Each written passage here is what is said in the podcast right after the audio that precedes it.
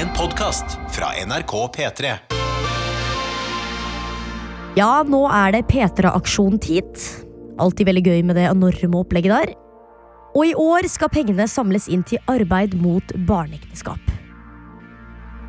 Da har jeg bare to spørsmål. Nummer én hvordan kan en app forhindre barneekteskap? Og nummer to ble min egen bestemor tvangsgifta som barn?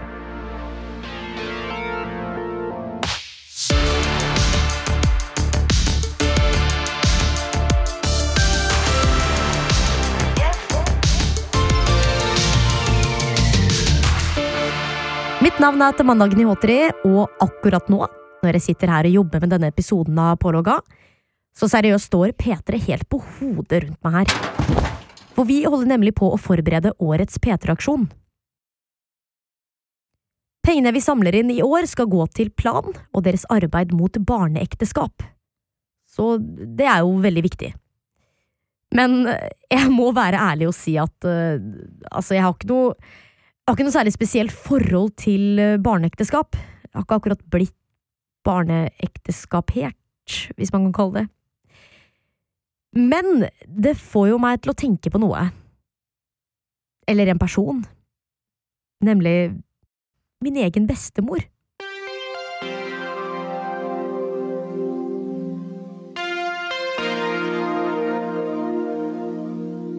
Hun er fra en ganske liten landsby i India, et sted hvor eh, arrangerte ekteskap var helt vanlig da hun var liten. Skjedde dette med henne? Altså, var min egen bestemor en barnebrud?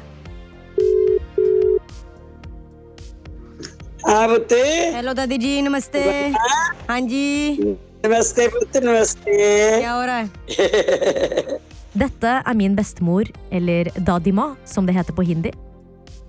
Dadima heter Lila Rani Agnihotri og ble født i 1943 i Chite, en liten landsby i delstaten Punjab i India. I dag er hun 78 år og bor fortsatt i India.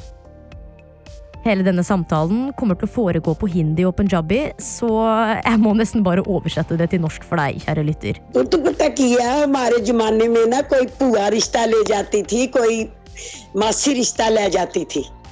तो Min bestefar, eller Dadaji, har jeg aldri møtt. Han døde noen år før jeg ble født. Så denne familiehistorien vet jeg egentlig veldig lite om. Hvordan møttes egentlig mine besteforeldre? मेरे ससुर की जो बहन थी उसकी सास थी सास थी ठीक है तो कितना रिश्ता गूढ़ा है तो बहन के बा- बहन के घर मतलब पोतरों की पोतों की शादी होएगी तो भाई तो जाएगा ना हाँ ठीक है हाँ ना? हाँ जी हाँ जी हाँ जी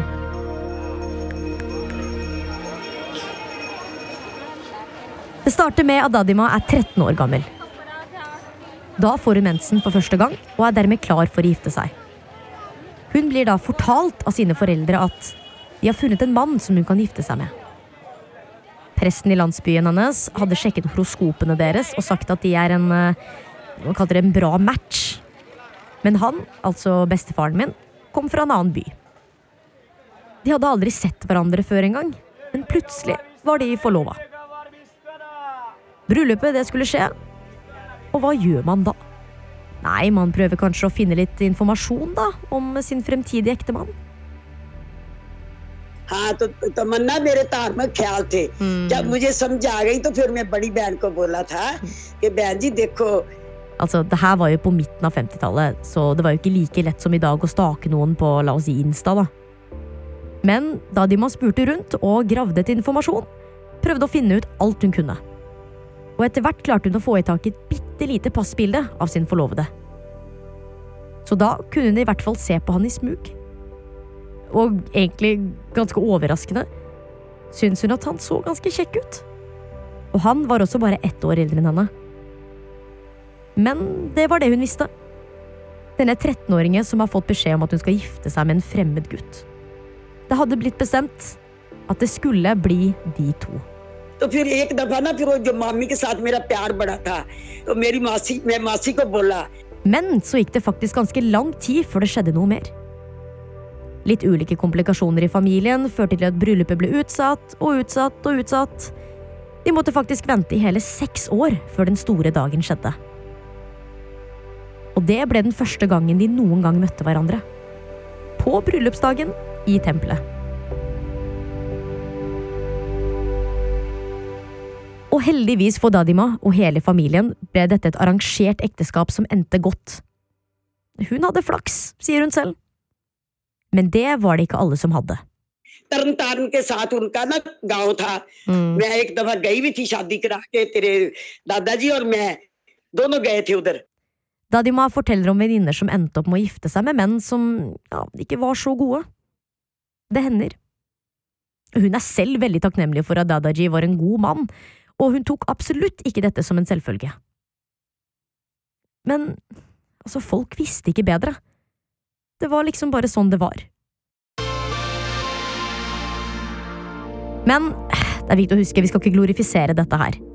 Min egen Dadima, bestemor, fikk altså beskjed som 13-åring at nå skal du gifte deg med en fremmed fyr.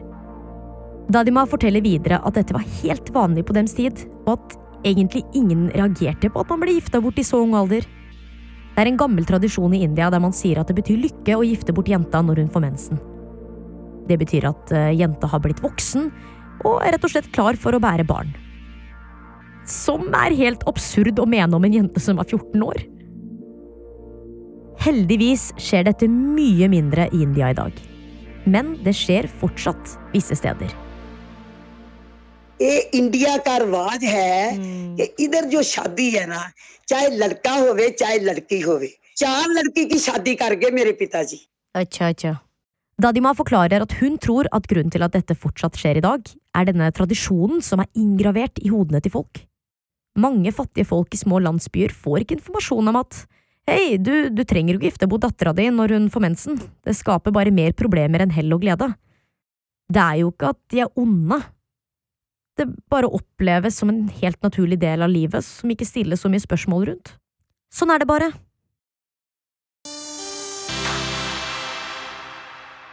Men vent litt nå. Dette her er jo pålogga. Altså, jeg snakker om hvordan internett påvirker livene våre, ikke barneekteskap. Så vi måtte finne noe internettrelatert her, så jeg googla litt rundt. Child marriage internett, child marriage apps, child marriage uh, phones, child marriage software. Og plutselig fant jeg en masteroppgave fra NTNU som så ganske interessant ut nemlig en som heter Designing Mobile Software to Prevent Child Marriage. Wow. Hei, jeg heter Jostein Brevik. Jeg er 25 år gammel og jobber til daglig som IT-konsulent. Og min masteroppgave den handlet om hvordan man kunne bruke mobil software for å bekjempe barneekteskap. Og dette trigget interessen min, for å si det forsiktig. Hvordan skal mobile software, altså en app, kunne forhindre barneekteskap? Det å bare motta informasjon har vist seg å være ekstremt effektivt mot barneekteskap. Bare det å informere folk om at barneekteskap er farlig, både fysisk, psykisk, og at uh, de som blir utsatt for det, gjerne ender opp fattigere enn uh, en andre, lavere utdannet osv. Det er nok til at folk endrer mening om det. Og det er litt merkelig kanskje for oss å høre om, for vi er jo vant med at folk har ganske satte meninger, spesielt når det kommer til tradisjoner og sånt noe, at det skal mer til enn at noen bare kommer og sier nei, her er faktisk fakta. Det er sånn det er. Men i dette tilfellet så er det så er det bra nok.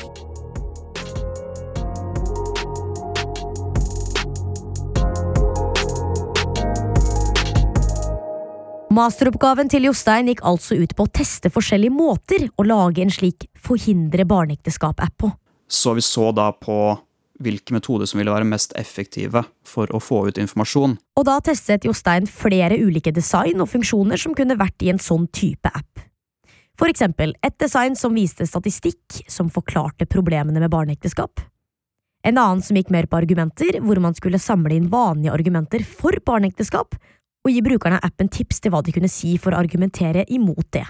Og en annen var litt mer eh, videobasert, hvor de presenterte historien til noen av de som har blitt utsatt for barneekteskap, og hva som skjedde med dem etterpå. Altså mange forskjellige appdesign ble testa, men alle hadde samme mål. For å se hva som eh, hjelper folk med å, med å skjønne alvoret. Altså, det høres jo litt rart ut, må jeg innrømme, å bruke en app for å stoppe barneekteskap. Men dette er faktisk noe som har blitt gjort tidligere. Vi ble inspirert av en app som var laget i Bihar. Bihar er altså en delstat i India. Og den gjorde mye av det samme som det jeg har snakket om nå, da, med å spre informasjon. Den hadde også muligheten for å ha en SOS-knapp man kunne trykke på for å få hjelp fra frivillige fra disse organisasjonene, da, som da ville komme og se hva det var som skjedde. I løpet av tre måneder så hadde den mottatt over 300 SOS-varslinger. Hvor de da hadde rykket ut for å hjelpe folk som var i ferd med å bli utsatt for barneekteskap. Altså, det viste jo seg at øh, det var jo åpenbart effektivt, da. Ja, og det var på 3000 nedlastninger. Så det er da 10% av de som lastet ned appen, som endte opp med å sende ut et SOS-signal. Det er gode tall. Men samtidig er det liksom en ting jeg bare må spørre om. Er det ikke en litt merkelig kombinasjon, dette her? Det å bruke apper det, og smarttelefoner og internett, det er jo virkelig ikke det letteste. Fordi barneekteskap er jo et problem som hovedsakelig skjer i fattigere deler av verden. Og det er jo da også steder hvor folk ikke har smarttelefoner eller internett. Men det er jo også noe som sprer rundt seg, og selv om man ikke personlig har tilgang til en mobiltelefon i disse områdene av verden, så er det ofte tilfelle at noen i landsbyen din har tilgang på en mobiltelefon. Så dette var jo noe vi jobbet kontinuerlig med, og det er jo selvfølgelig et, eh, et av de store problemene med, med ideen, da. Den store fordelen er jo skalering. At hvis du har laget en app, så kan den sendes ut til så mange som ønsker å laste ned appen. Og det gjør det jo veldig lett å spre dette fort blant de som har tilgang til det. Altså, alt går jo over på apper, vet du. Det det er jo faen meg ikke en eneste ting man ikke har en app for lenger. Så kanskje det er smart å være tidlig ute her. Ha en Stopp barneekteskap-app med en gang, så er den allerede klar i AppStore til eh, den gang internett blir tilgjengelig i hele verden. Ikke dumt, ikke dumt. Det er jo ingen tvil nå om at med en god del prosjekter som Google med disse ballongene som flyr rundt og skal gi internett til folk i fjerne steder av verden, så er det nok duket for en ganske eksplosiv økning i hvem det er som har tilgang til telefoner og internett. Jeg tror absolutt at det er noe som vil bli mer vanlig, og da håper jeg virkelig at eh, man tar det i bruk, da. Ok, dette var faktisk veldig interessant. Tusen takk, Jostein. Jeg hadde egentlig ikke regna med å finne noe så kult ved å google barneekteskap-app. Så da var internettdelen av denne ukens Pålogga dekket. Tilbake til Dadima.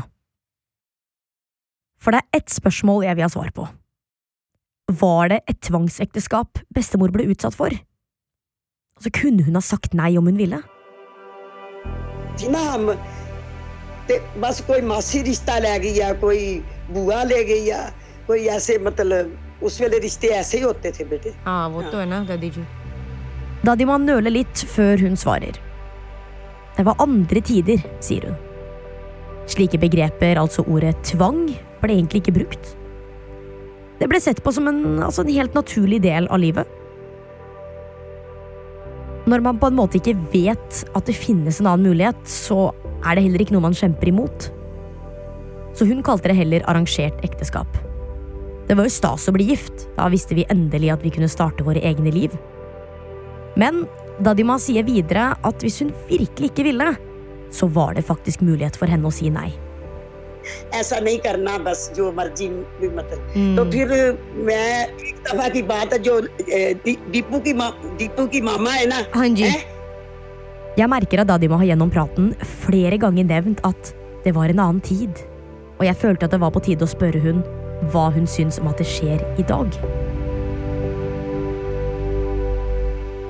आप बोल देते हैं अपनी मम्मी को कि मुझे नहीं करनी है शादी दादाजी से तो वो क्या बोलते हैं ਨਹੀਂ ਨਹੀਂ ਕਿ ਕੈਸੇ ਸ਼ਾਦੀ ਕੈਸੇ ਨਹੀਂ ਹੋ ਜੈਸੀ ਹੁਣ ਤੇਰੀ ਇੱਕ ਹੈਗੀ ਆ ਤੇਰੀ ਮੇਰੀ ਜੋ ਤੇਰੇ ਤੇਰੇ ਆਪਣੇ ਪਾਪਾ ਕੀ ਦਾਦੀ ਉਨਕੀ ਉਨਕੀ ਬਹਿਨਵਾ ਅਭੀ ਵੀ ਮੇਰੇ ਪਾਸ ਆਤੀ ਹੈ Hun svarer at hun mener at det er helt feil på alle måter. I dag så utdanner jenter seg, er mer selvstendige, og samfunnet har jo blitt mer åpent. Selv India har blitt mye mer moderne. Daddy ler også litt og bruker meg som et eksempel, der hun sier Hva se på deg, Tamanna, du skal jo ikke gifte deg før du blir 35, skal jeg si deg. Jeez. Takk for den, Dadima. Men hun har jo et poeng. Altså, Samfunnet har jo forandra seg, og det har jo også tankegangen til folk. Sånt skal ikke skje. Og etter å ha snakka med Dadima, har jeg ikke bare lært mye om min egen familie, men også fått litt mer forståelse for hvorfor barneekteskap faktisk skjer. Vi som bor i Norge, er privilegerte nok til at vi kan bestemme over oss selv. Derfor er det jo lett å tenke at alle foreldre som ønsker å gifte bort kidsa sine i ung alder, er eh, onde skapninger. Men jeg har jo skjønt at dette her handler jo mer om gamle tradisjoner som sitter godt igjen i folk. Men som vi hørte fra Jostein, så er det mulig å endre verden. For det handler i stor grad om å spre informasjon. For eksempel gjennom apper. Og det er jo akkurat dette planen jobber med. Altså ikke spesifikt apper, men å spre kunnskap og motvirke barneekteskap over hele verden. P3-aksjonen varer hele uka, og jeg kan love at hvis dere følger med, så blir det mye spennende og ganske sjuke utfordringer. Der eh, altså alt av penger du sender inn, går til plans arbeid mot barneekteskap. Og jeg tror jeg skal få Dadima til å sende litt penger inn, hun òg. Du har hørt en podkast fra NRK og P3. Hør flere podkaster i appen NRK Radio.